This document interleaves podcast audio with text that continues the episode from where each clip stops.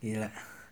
Nggak terasa man ya. Udah masuk minggu ketujuh nih dari corona. Tapi Bomat uh, gue nggak mau ngomongin corona. Makin enak aja dia diomongin, hah? Emang siapa lo di mata gue ya belek?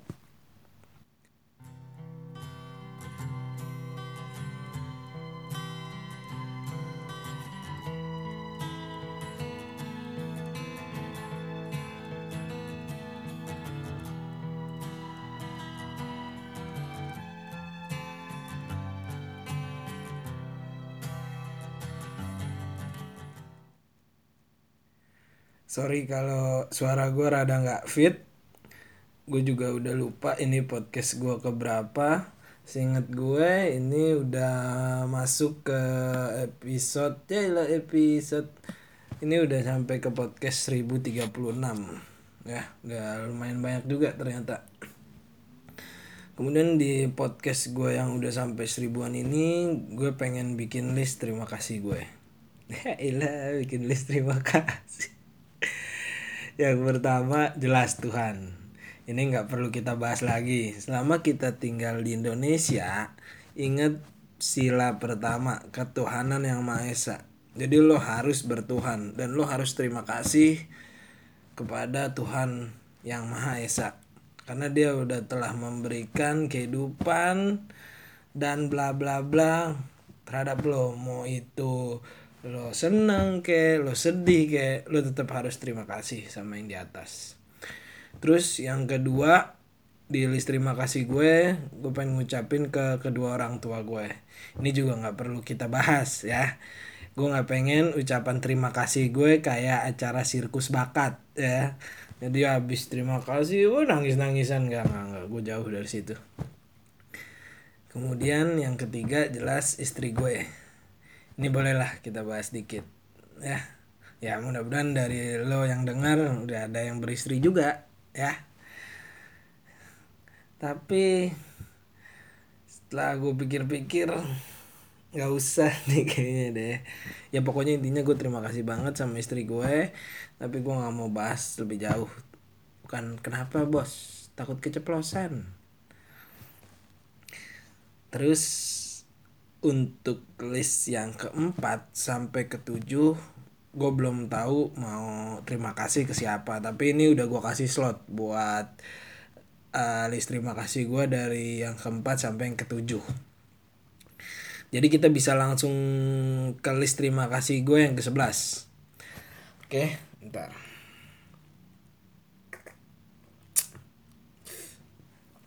uh di list terima kasih gue ke 11 ini gue pengen terima kasih sama orang atau makhluk atau apa pun itu yang gue bayangin pas pertama kali mimpi basah. Gue nggak tahu lo siapa atau bentuknya kayak apa sekarang tapi gue yakin banget di saat itu lo udah bikin tidur gue beda dari tidur tidur yang lain. Gue nggak gue juga nggak paham gimana awal ceritanya tuh gue bisa mimpi basah ya udah kayak terjadi aja begitu aja. Nah, gue juga pengen uh, lo semua tuh di masa pandemi ini nih gue pengen uh, lo semua tuh coba deh inget siapa yang berhasil bikin lo jadi the man with the golden gun. Kalau lo belum nikah mungkin lo bisa terima kasih ke makhluk kayak gitu man Kenapa gue bilang lo harus terima kasih? Karena di situ titik kedewasaan lo, man. Ya kan? Ya lo dari belum tahu apa-apa tiba-tiba lo mimpiin. Lu nggak tahu. Ya mungkin ada yang tahu mimpin siapa tapi kebanyakan orang nggak nggak di nggak bisa diprediksi siapa yang mau dia mimpiin. Ya kan? Apalagi juga lo masih bocah kemungkinan atau nggak tahu deh mungkin ada yang baru mimpi basah di pas kuliah semester 3 atau pas dia umur-umur 36 baru mimpi bahasa ya gue juga nggak tahu deh. Tapi ya seharusnya juga lu terima kasih sama makhluk itu atau makhluk yang ada di mimpi lo itu.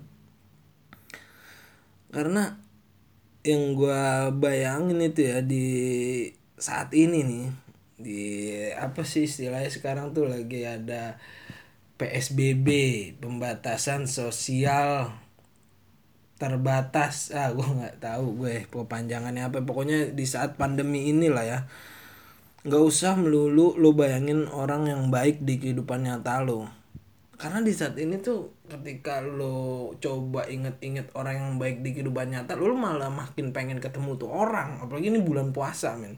Lo pengen coba silaturahmi ke orang tersebut tapi di saat ini lu nggak bisa lu nggak bisa ketemu mereka men. Itu terlalu beresiko. Lu nggak boleh.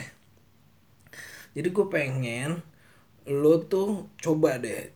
Di saat ini lo coba terima kasih sama makhluk-makhluk astral di alam pikir lo man. Alhamdulillah. Karena dia bakal nemenin lo lebih lama untuk saat ini. Lo harus coba inget-inget lagi siapa sih teman imajiner lo imajiner ya. Atau apa pun lah itu sebutannya gue nggak nggak nggak nggak pinter banget buat nyari istilah yang lebih keren dari teman imajiner lo. Kenapa gue bilang teman imajiner lo itu penting banget di saat sekarang? Karena karena di saat ini tuh lu harus harus coba harus coba berdiskusi dengan pikiran lu sendiri men. Karena kan ya banyak orang yang bilang tuh saat lo gede kawan-kawan lo bakal berkurang. Temen-temen kacrut lo udah mulai sober. Tinggal lo sama pikiran lo. Nah makanya coba deh. Coba lo ajak nongkrong pikiran lo sendiri ya gue nggak bisa kasih tips gimana caranya. Mungkin lo bisa nemuin caranya sendiri gimana lo bisa ajak pikiran lo nongkrong.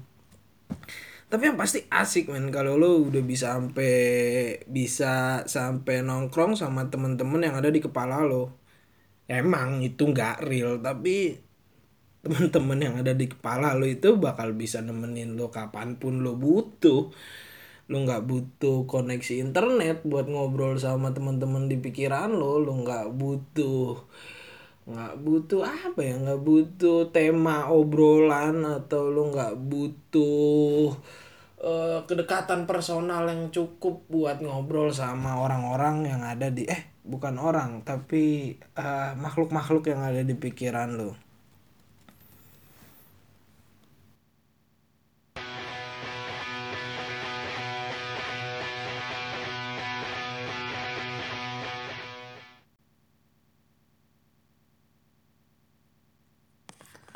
balik lagi man. Buat tukang bakso di luar sana gue nggak habis pikir sama lo semua.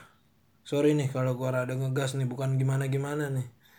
Tapi bisa nggak sih lo jelasin kenapa setiap gue bilang cabenya kurang lo tambahin? Gue bilang cabenya tambah lo tambahin juga. Maksud lo apaan hah? Gue bayar di sini makan bakso juga gue habisin. Nggak pergi pulang gitu aja?